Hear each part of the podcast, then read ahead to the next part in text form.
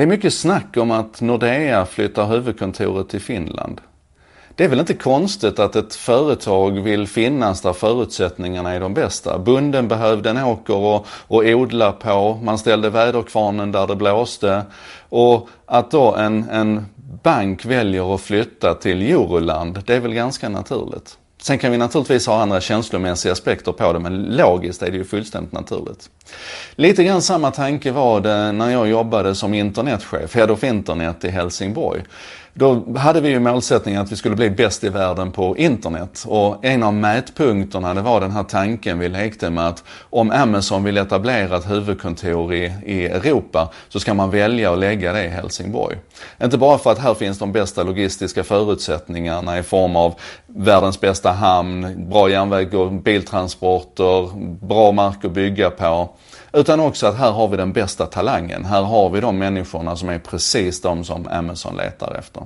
Och då jobbade vi med det bland annat genom att tillsätta en, en internetchef, men också genom att etablera e-handelscentra, att, att eh, arbeta med campus, att försöka marknadsföra oss som staden för den här sortens talang. För det här är ju en, en spiral. Va? Får, man, får man dit talangen så kommer företagen och kommer företagen så vill talangen komma dit.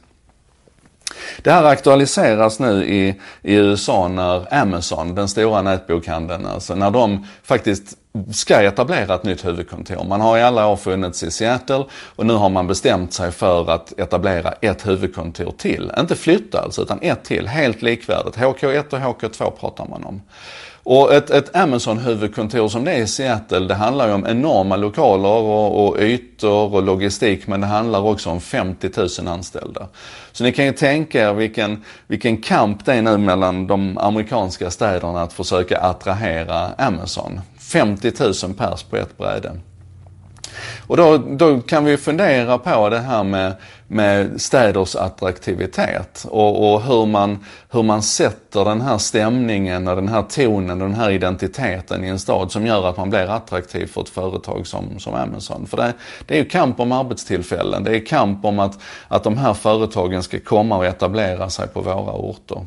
Jag ska komma tillbaka till det alldeles strax, men bara ett litet sidospår. För ni vet, vi pratar ju om det här med att IT-företag inte anställer folk. Och, och jag måste bara, så Amazon. För fem år sedan så var de 32 000 anställda.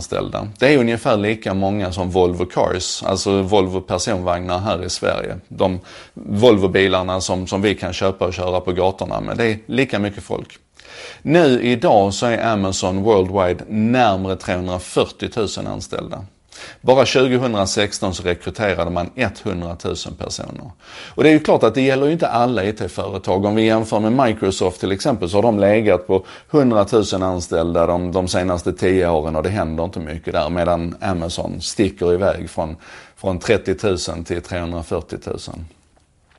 Så IT-företag är viktiga och då är det också viktigt för svenska städer att, att ha en attraktivitet i den här riktningen. Så jag vill att du ska, nu, nu, gör vi det. Nu går vi ut och så tittar vi på vår stad med Jeff Bezos ögon och så säger vi, vad skulle få Amazon att bestämma sig för att, att etablera sig i vår stad. Vad har vi idag och vad behöver vi utveckla? Och kanske framförallt, vad kan jag göra för att få det där att hända? Hur får vi svenska städer till att bli så attraktiva för, för eh, företagen, att de väljer att leva och frodas där? Det är väl en bra fundering för idag.